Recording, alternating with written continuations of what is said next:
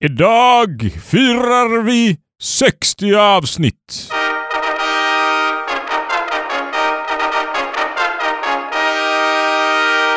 Ja. Ja, och där var det klart. Mm, 60 avsnitt. It's a big fucking deal. What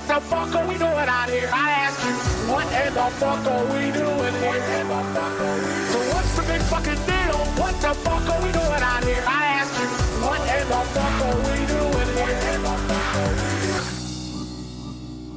Avsnitt 60. Och idag ska vi prata om eh, nationens viktigaste tillgång.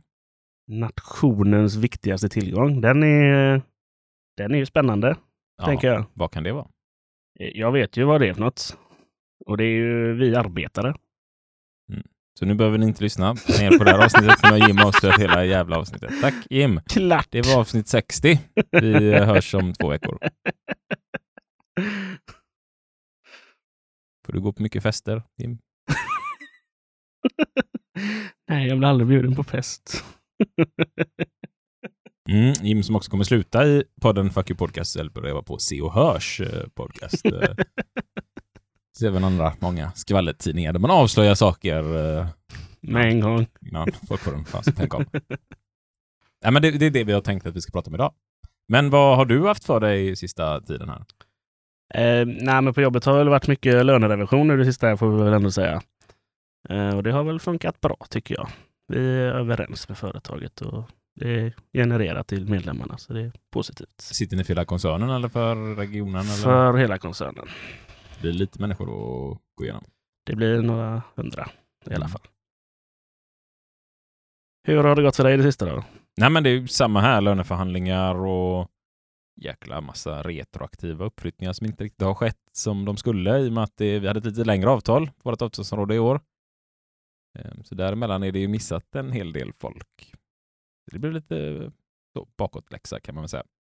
Sen är det väl lite 6B-övergångar och lite sånt här. Vi har ju i våran koncern släppt faktiskt sålt av en hel del av våra bolag. Samtidigt som vi har köpt en hel del nya bolag med. Så det har varit mycket sånt sista tiden. Sen blir det ju alltid mycket när man sitter i lönen tycker jag och så ska man hinna prata med folk och spela in folk på vad man är och prata med alla ombud och sådär och det dyker ju alltid upp saker mitt i allt. Ja, det har varit en jäkligt tuff tid. Jag sa det häromdagen, satt jag och pratade i telefon med mitt eh, huvudskyddsombud Andrew och eh, så skulle jag lägga på telefonen medan jag körde bil då, handsfree. Och då fick jag för mig att stänga av motorn på bilen istället mitt i en rondell. Det, det är Jag intressant. Stoppa i sista sekund, men det, då förstår man var man har hjärnan någonstans. Den ligger i en påse någonstans i bagaget på bilen. Jag. Ja, allt annat försvinner inte bara för att det är dags för lönerevision. Tror Det är så. Så att eh, igår blev vi i princip klara med nästan allting. Så att nu börjar livet rulla på igen. Härligt. Men nu ska vi inte prata om skrynkliga hjärnor idag som ligger i en plastpåse bak i bilen. Det ska vi inte göra. Utan vi ska prata om just nationens viktigaste tillgång. Som du redan har avslöjat för alla lyssnare nu. Ja. Så, Om det är några kvar nu. så nu kvar det med den spänningen. Men vi ska ta och prata om någonting och titta på någonting tillsammans som jag tror att väldigt många förtroendevalda glömmer att titta i. Propositionen till lagen.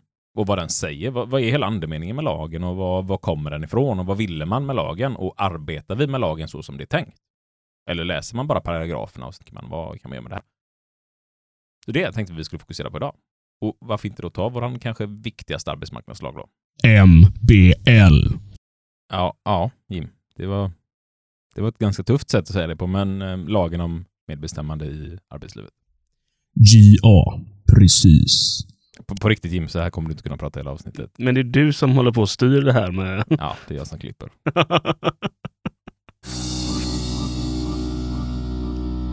Vi får lite kritik ibland för att vi är oseriösa. Men det gör inget, för vi raderar ändå den posten. Precis. Nu ska vi i alla fall börja läsa propositionen. Kör. Proposition 1975 snedstreck 76 kolon 105 Regeringens proposition. Med förslag till arbetsrättsreform. Regeringen förlägger riksdagen vad som har upptagits i bifogade utdrag av regeringsprotokoll ovannämnda dag för de åtgärder och ändamål som föredragarna har hemställt om på regeringens vägnar. Olof Palme, Ingemund Bengtsson, Kjell-Olof Fält.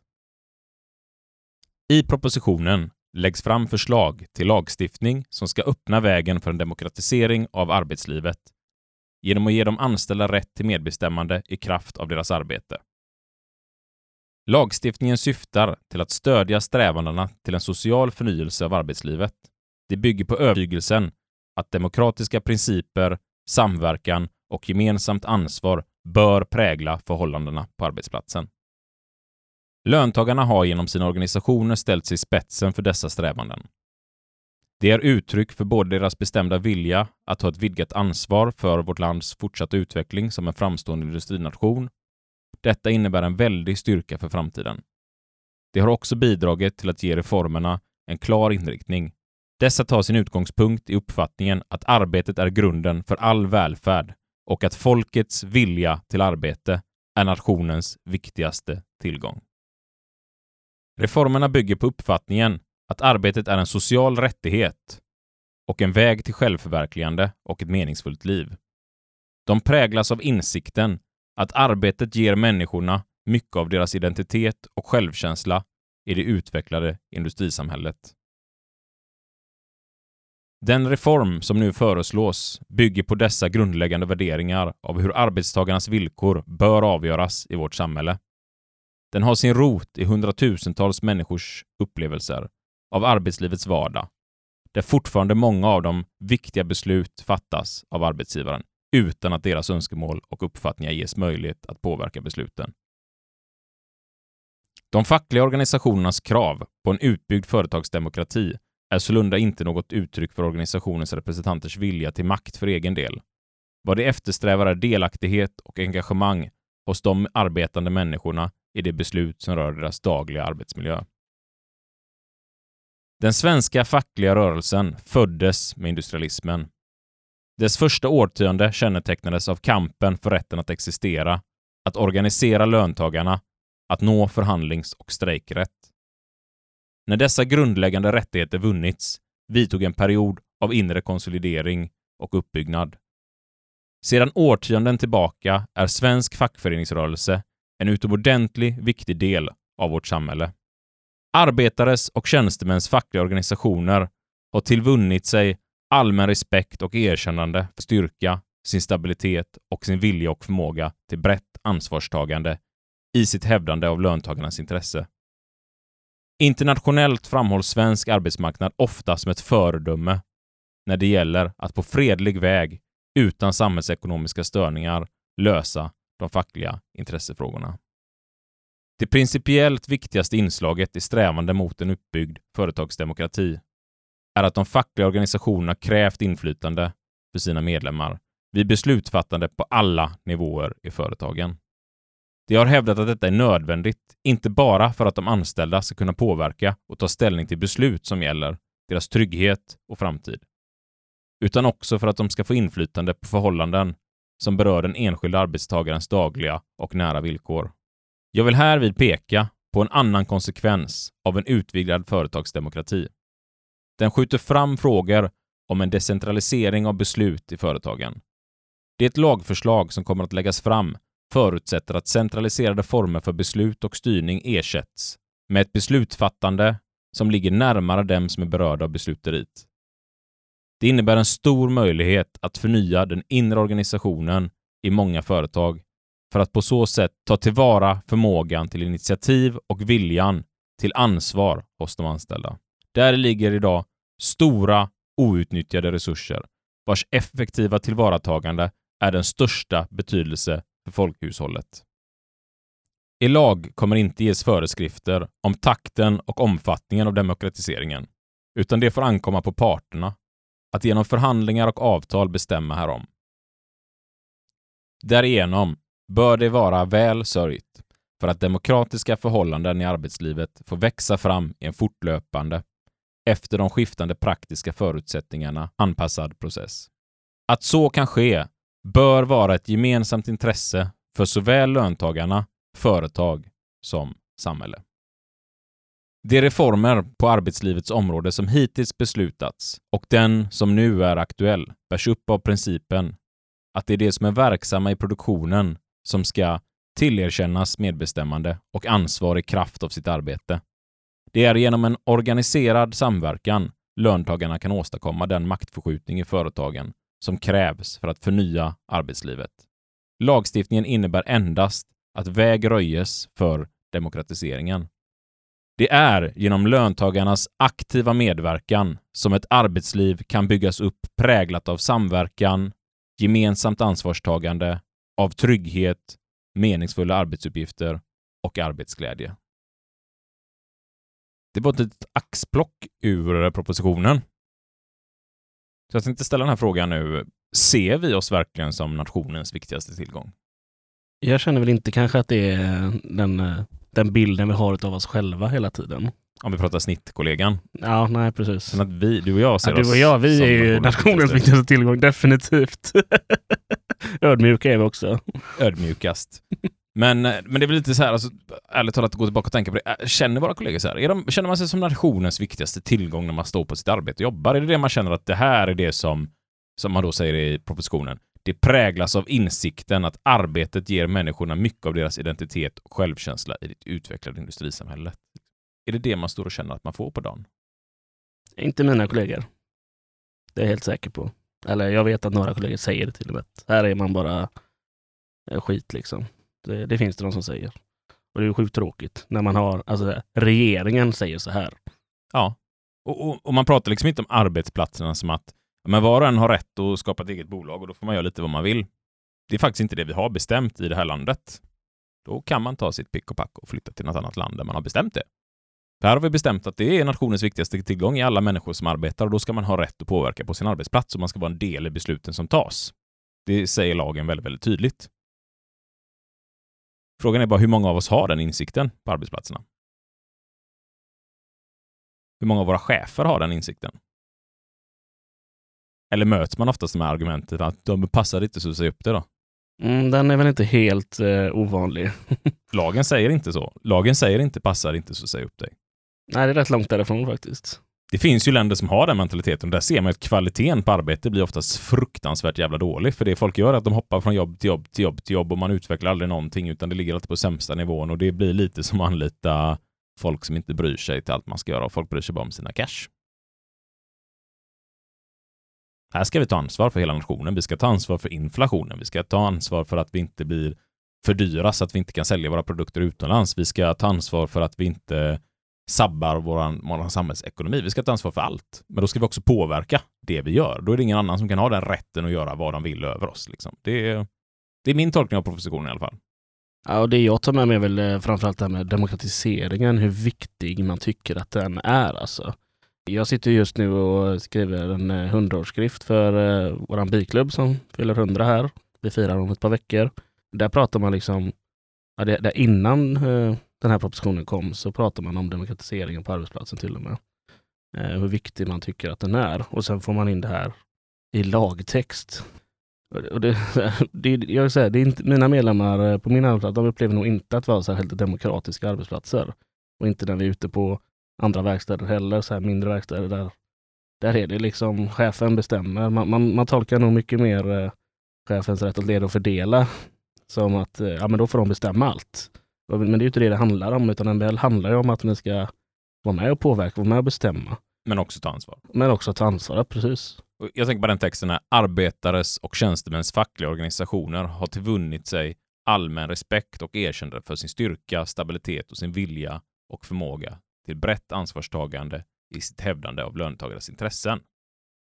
Internationellt framhålls svensk arbetsmarknad ofta som ett föredöme när det gäller att på fredlig väg och utan samhällsekonomiska störningar lösa de fackliga intressefrågorna.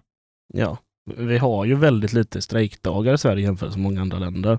Och man kan ju tycka och tro att eh, våra, våran strejkrätt, som ändå är ganska bred, liksom, eh, är någonting som gör att man får mycket strejker, men det är ju precis tvärtom. Alltså vi, vi har ju inte det behovet av strejker på grund av att vi har de bra lagarna för det. Liksom. Ja, alltså vi ska redan sitta med och ta Ja, besluten på precis. rätt plats. Exakt, vi är med från början. Och, och jag tycker att rätt så ofta när vi faktiskt pratar med våra förhandlingsdelegationer eller de på förbunden som kanske är de som åker ut och tar skarpa förhandlingar när någonting verkligen går till central förhandling. De upplever ju snarast att det kanske är på lokal nivå som man inte driver frågorna, utan man säger att ja, de lyssnar ju inte. Ja, men vi får aldrig igenom de här grejerna. Men har ni verkligen avslutat förhandlingen i oenighet och drivit den centralt? Sagt att vi går vidare med detta? För här kommer vi ingen vart. Ofta gör man kanske inte det alla gånger som man borde. Då kanske de här frågorna hade drivits lite mer, utan man gick kanske upp lite för tidigt. Ja, för det är också så här, hur känner vi själva som fackföreningar? Att hur mycket ska vi lägga oss i vad företaget gör och vad företaget vill göra framåt? Jag tror att vi är alldeles för, att vi blundar alldeles för mycket där helt enkelt. Att vi, nej men det är företaget som ska sköta företaget liksom och så lägger vi oss inte i. Men så här, som eh, propositionen säger, vi, vi ska vara med och ta det ansvaret. Det är viktigt. Och, så här, och känner man att man saknar utbildning, men det finns utbildningar för det här. Jag vet att eh, om vi tar så här bolagsstyrelseutbildningar och sånt, liksom, det kanske inte man har överallt och möjlighet att sitta med i, men på många ställen har man det. Men de kurserna de blir aldrig fyllda på LO. Det är, jag försöker gå där, men de blir inställd för att det var för få deltagare. Så vi behöver nog många fler som engagerar sig i de här frågorna och faktiskt lägger sig i vad företaget gör. Ja, precis. Och jag undrar så här, hur många, ärligt talat, har koll på hur stor vinst de gör per anställd i företaget? Alltså det kan vara extremt svårt att veta exakt vem drar in vad. Men om man bara gör en sån enkel sak, ja men alla vinster i bolaget delat på antalet anställda. Vad hamnar man på då? Och då ska man ju egentligen också räkna med hur mycket har företaget växt. Har man köpt upp nya bolag? Man har investerat kanske en miljard och så har man gjort eh, 500 miljoner i vinstutdelning. Ja, man räknar då en och en halv miljard på antalet anställda. Vad blir det per person? Diskutera det på arbetsplatsen. Gör man ens det? För vi har full möjlighet. Det står ju i den här MBL-propositionen också att företaget ska hela tiden tala om för personal hur det går ekonomiskt. Vi ska ha insyn, vi ska sitta med, vi ska ha de här möjligheterna. Och det tycker jag väl är jätteintressant att, att veta exakt. Och många som säger så här, jag har en bra lön, så brukar jag ställa frågan så här, okej, okay, hur stor del av vinsten tar du? Jag har ingen aning. Men hur vet du att din lön är bra då? Eller någon säger, jag har dålig lön. Okej, okay, hur stor del av vinsten får du då? Ja, det vet jag inte. Hur vet du att den är dålig då?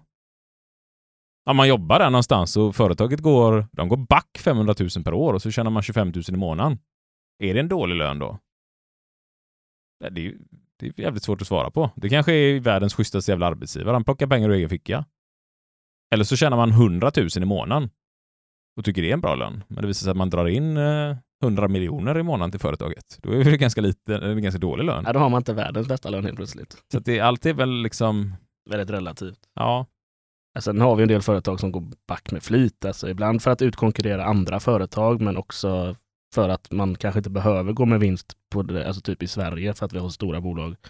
Eh, för de skattar någon annanstans. Liksom. Så då kan man gå back i Sverige hela tiden, för då behöver du aldrig betala någon skatt här. Och det kan ju vara skitsvårt att följa och då får man återigen liksom kanske titta på just det här, ja men huvudbolaget, vad gör de med vinst per anställda de har över världen? För det kan ju vara så att man lyfter bonusar, man, om, om vi pratar om ett företag som säljer någonting, de säljer kaffe exempelvis.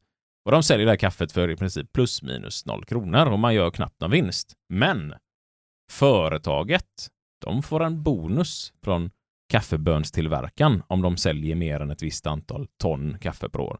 Och det kanske man inte ens ser på kaféet där man jobbar eller butiken där man jobbar, utan det kanske går in i moderbolaget någon helt annanstans. Det kanske ligger i ett annat land. Det kan ju vara så att då får de en, en bonus på 100 miljoner kronor för antalet såld. Ja. Och, och då blir det ju jättesvårt att kunna mäta varifrån kommer vinsterna. Så att ju mer globaliserat det blir, ju större det blir, ju svårare blir det ju att spå vad gör vi i vinst på vår avdelning. Och då kanske det är just att man måste titta på helheten i bolaget. Eller aktieutdelningarna. Ja, men där, där har vi också möjligheter med EVC och sånt, i alla fall inom Europa, att, eh, att få den här kontrollen och kollen. Sen i det svenska bolag så är det väl lättare för oss att eh, ta oss ut i, i världen och ha kontroll på allting som händer. Men eh, när det är företag som bara har en liten del i Sverige, ja, då kanske det blir tuffare. Men inom Europa har vi i alla fall den möjligheten med European Working Council och det, det behöver vi verkligen lägga energi på också. Jag tycker i alla fall att det är görviktigt att man börjar diskutera vinsterna i förhållande till lönerna. Men även andra beslut som vad, vad har vi för utvecklingsmöjligheter? Vad är vår påverkan? Vad får vi tycka till om? Vad får vi styra? Får vi vara med och påverka innehållet i vårt arbete? För det, det ska vi göra. Och det är väl liksom inte en omöjlig dröm att man ska kunna sitta med och påverka sitt arbete. Eller är det vi som är extremister som tycker så här, Jim? Nej, jag tror verkligen inte det. Alltså, sen, det, det är ju ingen dröm. På vissa ställen gör man ju det eh, fullt ut. Alltså. Men eh, jag tror att det är alldeles, alldeles för få ställen man gör det på. Alltså, tar vi, tar vi så här, i Tyskland, där har man ju liksom, där är ju hälften av bolagsstyrelsen är ju fackliga. Sen har man kanske en annan typ av utbildning som facklig i Tyskland, men där har man ju verk, verkligen möjlighet att påverka genom sin fackförening. Man kan ju ställa sig frågan att liksom MBL är inte ens 50 år gammal än.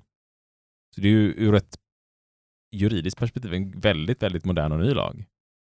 Hur mycket pratar vi om att utveckla MBL då? Och stärka det här ännu mer? Jag, alltså jag vet inte om vi egentligen behöver det. Jag tror bara att vi behöver använda den mycket mer, om jag ska vara helt ärlig. Vi använder den alldeles för dåligt och alldeles för lite. Det är det, alltså, jag tror den är ganska välskriven egentligen. Om vi börjar ta i med hårdhandskarna och verkligen... Ja, men om vi använder den som det, som det är tänkt att användas och faktiskt går igenom de här grejerna. Vad, vi är väl nationens viktigaste tillgång liksom.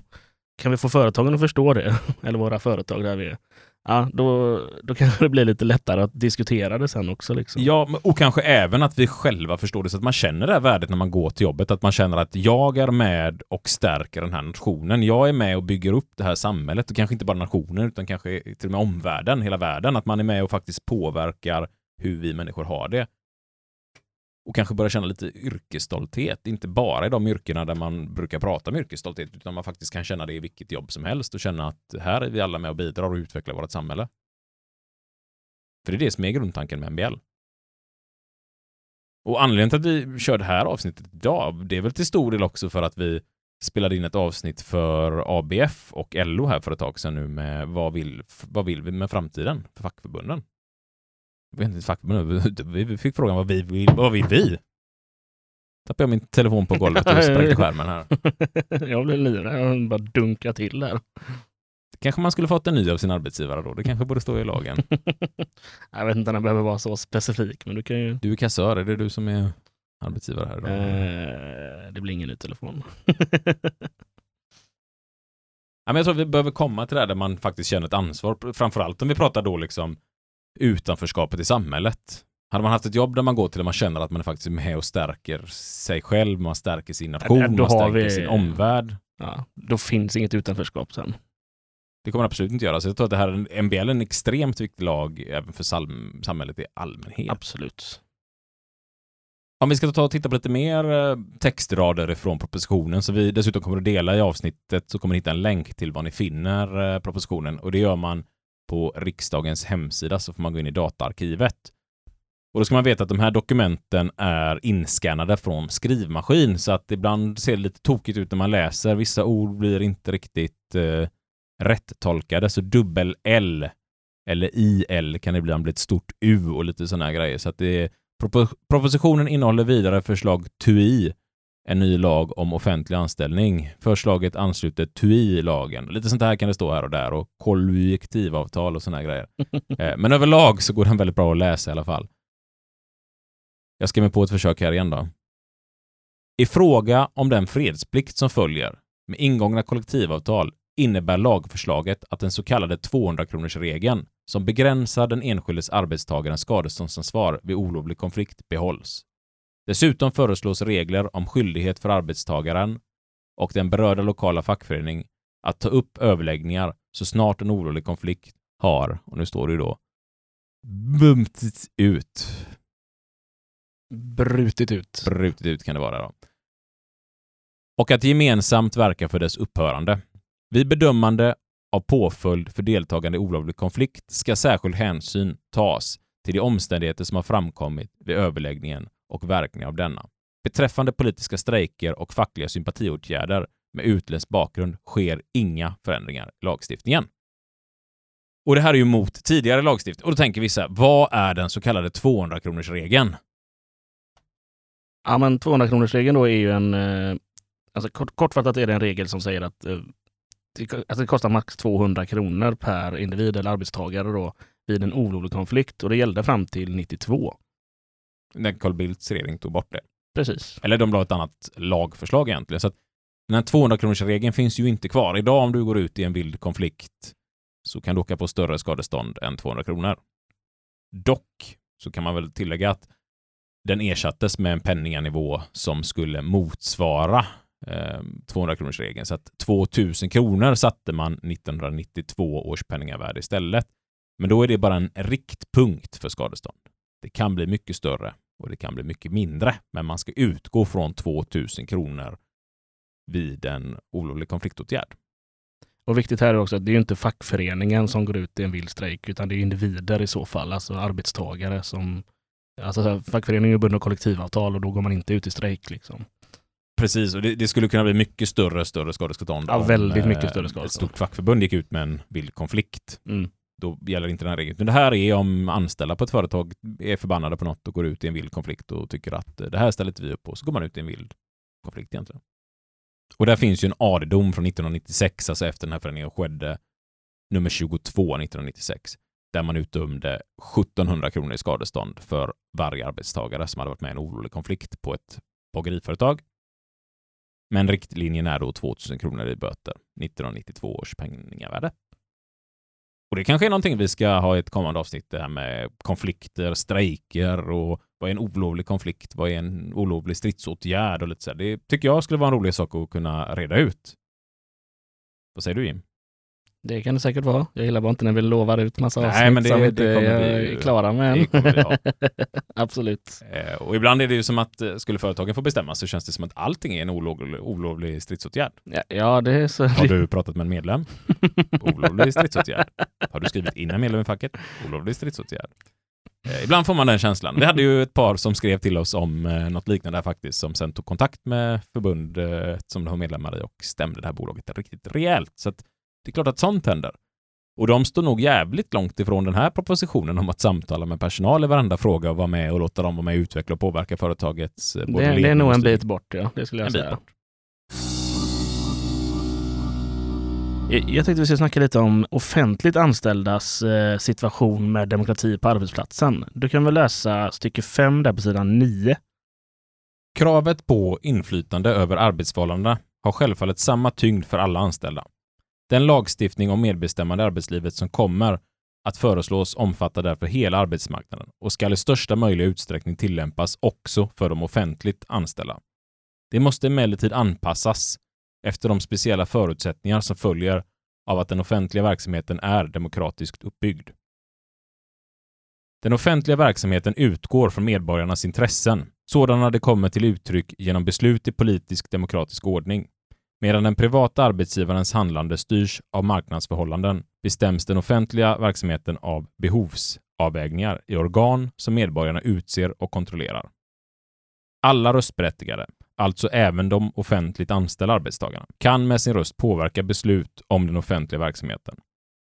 Det skulle strida mot vår demokratiska ordning att låta det offentligt anställda avtalsvägeri få ett ännu större inflytande än andra medborgare över beslut om mål, inriktning och omfattning av myndigheternas verksamhet. Att genom kollektivavtal förändra det av politiska organ fattande beslut vore även att det skulle tjäna intressen av större grupper anställda, inte bara ett uttryck för demokrati.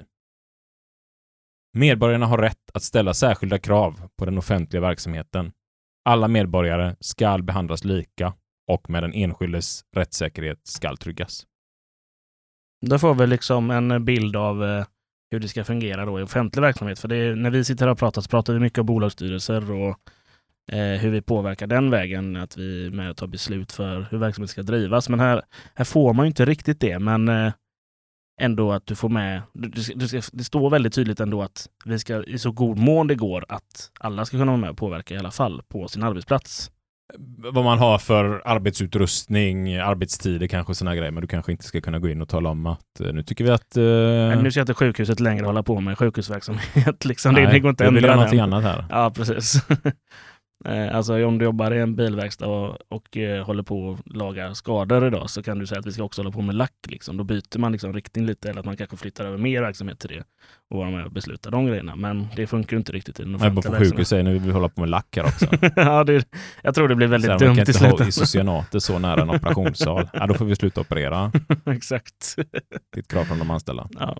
Mm. Nej, men, och det finns väl en viss rimlighet, återigen tillbaka till det här det här är ju inte någonting där man bara sa att nu ska alla anställda kunna bestämma vad de vill överallt i hela samhället, utan man vill skapa en möjlighet för alla att påverka sin arbetssituation och vara delaktiga i det som händer. Men man gör lite skillnad när det är offentlig verksamhet, att ja, men då sker ju det redan via politiska val. Där är det inte en enskild person som kan stå och bestämma allting. Nej, precis. Men det är också en viktig del, alltså, vara med och bestämma handlar ju också om genom fackföreningen för att fackföreningen är demokratiska organisationer. Och där har man ju den möjligheten då i offentlig verksamhet genom den, det politiska systemet redan, så att säga. Man har ju även tagit med lite av farhågorna i den här och jag läser direkt ur propositionen.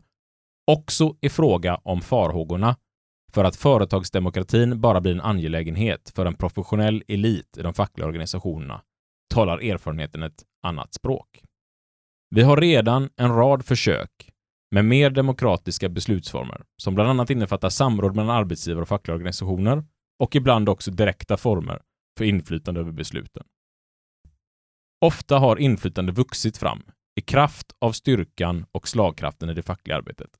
Det har också kunnat konstateras att när arbetstagarna genom sina organisationer får möjlighet att medverka till att lösa de problem som uppstår på arbetsplatserna, då skapar det också en ökad aktivitet inom de fackliga organisationerna.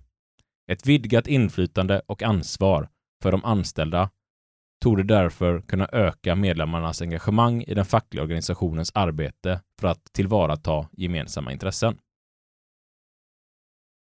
Det här tycker jag verkligen eh, jag ser jättetydligt på de arbetsplatser, de företag jag förhandlar på, att ju mer man jobbar med MBL, ju mer man sitter och förhandlar MBL-frågor, ju mer intressant blir det för våra medlemmar att lyssna, hänga med, förstå och se att man kan påverka. Och desto fler vill ha fackliga uppdrag. Och ännu fler vill vara med och vara delaktiga i MBL-förhandlingarna och förstå att de kan påverka, komma med egna förslag, hitta lösningar på problem. Så jag upplever liksom att ju mer man jobbar med MBL, ju mindre blir det en facklig elit som styr. Jag vet inte om du har samma upplevelse, Jim? Ja, nej, men jag känner samma. Alltså, det är verkligen så här. Har vi möjligheten att engagera oss allihopa, då, får man, alltså, då tar man den möjligheten. Eh, kommer jag med förslag som vi har liggande på bordet, då vill man vara med och engagera sig. Och jag känner verkligen att på arbets arbetsplatser där vi inte har direkt mycket MBL-information och sitter och förhandlar och är med och diskuterar hur vi ska komma överens om organisation och arbetsinnehåll. Ja, men där är det så fort företaget vill göra något så säger de till oss, säg bara nej. Säg nej till allt. Och senast var det ett nytt bonussystem som skulle ge mer pengar. Och det tyckte Men de vi skulle nej, sä- säga säg nej, nej. till på grund av att de hade inte fått vara delaktiga i en viss fråga och då tyckte de stoppa företaget. Så jag blev så här, det enda vi säger nej till då det är mer pengar. Mm. Ja, den blir ju... Då tyckte de, ja men de ska få känna att vi inte går med på vad som helst. Liksom. Mm. För nu har vi våran chans att få vara med och bestämma. Och här är någonting vi kan säga nej till. Och då vill man ta den chansen. Och det egentligen, jag tycker det är likadant med mina små barn hemma. Att ger man dem inte möjlighet att påverka, då tar de sin chans att säga nej till det de vet att de kan säga nej till. Exempelvis, nu är det dags att äta. Nej. Mm. Nu är det dags att gå och kissa. Nej, nej kommer inget kiss. nej, men det är ett mänskligt beteende. Ja, men det är det ju. När man blir irriterad och känner att man inte kan påverka, då försöker man påverka det man vet att man kan påverka. Så att eh, ju mer vi får vara med på, jag är helt övertygad om att ju bättre lösningar kommer vi hitta. Absolut. Det här är ju ett axplock då ur de 14 långa sidorna som den här propositionen är. Sen har man bilagor och remisser och så här, så det är ett par hundra sidor i slutändan. Men man behöver absolut inte läsa allting liksom. Men de här 14 sidorna är väldigt intressanta att läsa. Och då, då blir det liksom frågan, ska vi köpa den här stressen, klyftorna och maktförskjutningen som, eh, som vi har? Eller ska vi, ska vi göra någonting åt det? Alltså vi har verktygen, vi har organisationerna. Alltså verktyg och organisationer som har hundra gånger bättre förutsättningar än våra alltså så här, företrädare och kamrater hade för hundra år sedan. Och det blir helt övertydligt när du sitter nu med vårt 100-årsjubileum för vår riksförening och försöker liksom få ner vad var det vi jobbade med för frågor för 100 år sedan. Och se den här enorma skillnaden vi faktiskt har nu om vi tar vara på det.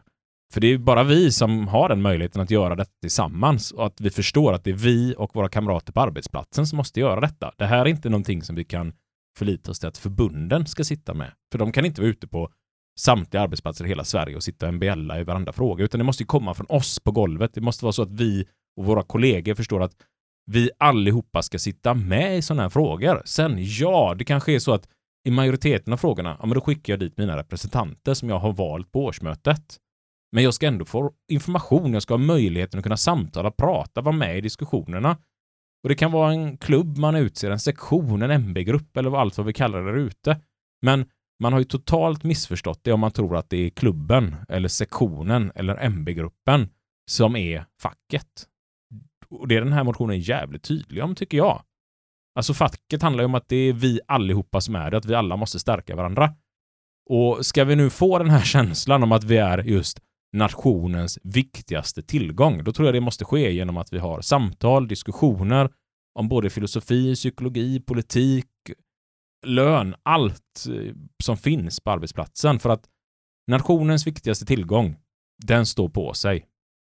Nationens viktigaste tillgång, Den ser sitt egna värde och den kräver sin rätt.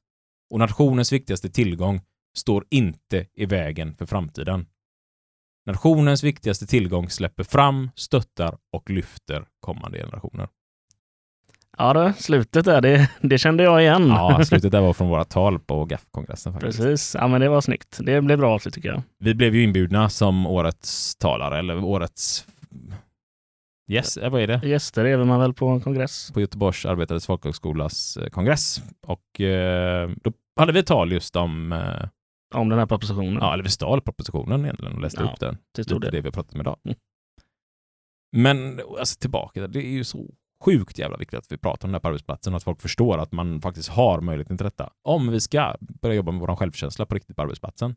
Lite som vi pratade om i det här självkänslavsnittet, att eh, går folk omkring och känner sig värdefulla på arbetsplatsen så kommer de inte köpa massa jävla skit. De kommer inte köpa och bli behandlade som, som skräp på arbetsplatsen, utan då kommer man att kräva sin rätt. När hörs vi nästa gång? Om två veckor. Det brukar alltid vara. Ja. jag trodde det var mer fråga till mig personligen. Jag bara, Du kan Nej, ringa jag imorgon. Det kan vi lyssnarna och sådär. Och, eh, ja. ja, men det är väl bra att vi hörs om två veckor. Mm. Och vi Men, kanske hörs eh, däremellan. vi hörs nog däremellan, Vi- vi. Men kanske inte du som lyssnar. Vi kanske inte hör varandra förrän om två Fast du kan ju starta vilket avsnitt som helst egentligen. Så du kanske hörs, kanske hörs om en halvtimme igen. Mm. Det vet vi inte heller. Nu ringer din telefon. Men det är Sebastian Borssén. Svara och sätt på högtalaren. Så Han jag var med i det här avsnittet med. Han är jättesjuk. Det hörde det vi. var han Hej verkligen. Sebastian! Hej! Hej. Hur är det? Det var inte meningen att hosta så jag bara kände nu tror han att jag är döende här när jag börjar med hostning. Ja, det tror jag verkligen. Ja, vad gör ni? Vi spelar in och du är med lite nu. Ja, men trevligt. Ja, Vill du skicka med någonting till uh, lyssnarna? Eh, hoppas ni har varit ute och demonstrerat här första maj. ja det är bra. Ja. Det hoppas jag. Ja. För det får vi ta i efterhand. Vi släpper ju inte för den här typ nio dagar efter. Första maj är imorgon för oss. Ja, Fast för er var det De för har. 13 dagar sedan. Ja. 12 dagar sedan. Jag, jag sa det som en presens. ja, men det är Ja, bra. Det var bra. Det var snyggt Sebbe. Det är vi som Mm. inte är med. Ja. Ja, men det var... Då får du ringa mig sen när du är klar. När hör lyssnarna dig nästa gång? Eh, ja, det vet vi inte. Nu? De Ja. ju nu. ja, nej, men vi, vi ringer upp sen då. då. Ja, det är så. Ha det gött. Fick ni lite Sebastian här också som är lungsjuk. Och äter penicillin och grejer. Mm, minsann. Därför fick inte han komma hit idag. Men hålla sig borta. Så vi pratat om hans favoritämne idag. Får vi se hur arg han är över att jag och Jimmy gör detta på tu man hand så att säga. Men eh, gilla, dela, följ. Vad brukar vi säga mer? Eh, vill ni bli medlemmar? Ja, jättegärna får ni bli det. Hur blir man det? Då swishar man till... Eh, Telefonnumret som vi ska, vi pausar lite. Då. Hittar du numret eller? lugnare lite? Finns på vår hemsida. Ja, Gå in. jag har hittat det. Fuck you. Du har hittat det? Mm. Mm. Fuckyoupodcast.podbean.com. Mm. Läser upp det. 1, 2, 3, 09, 084, 26.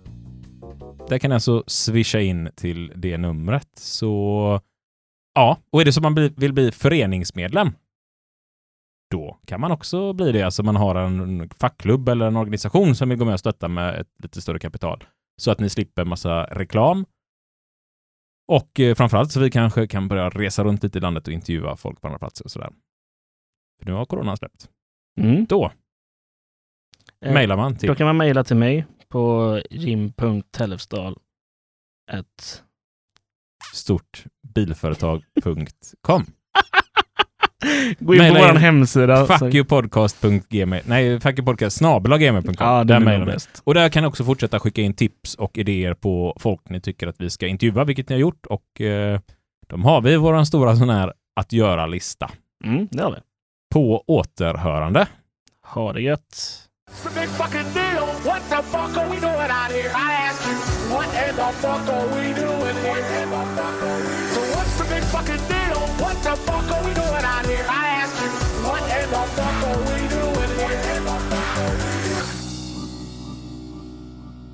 MBL. It's in the game.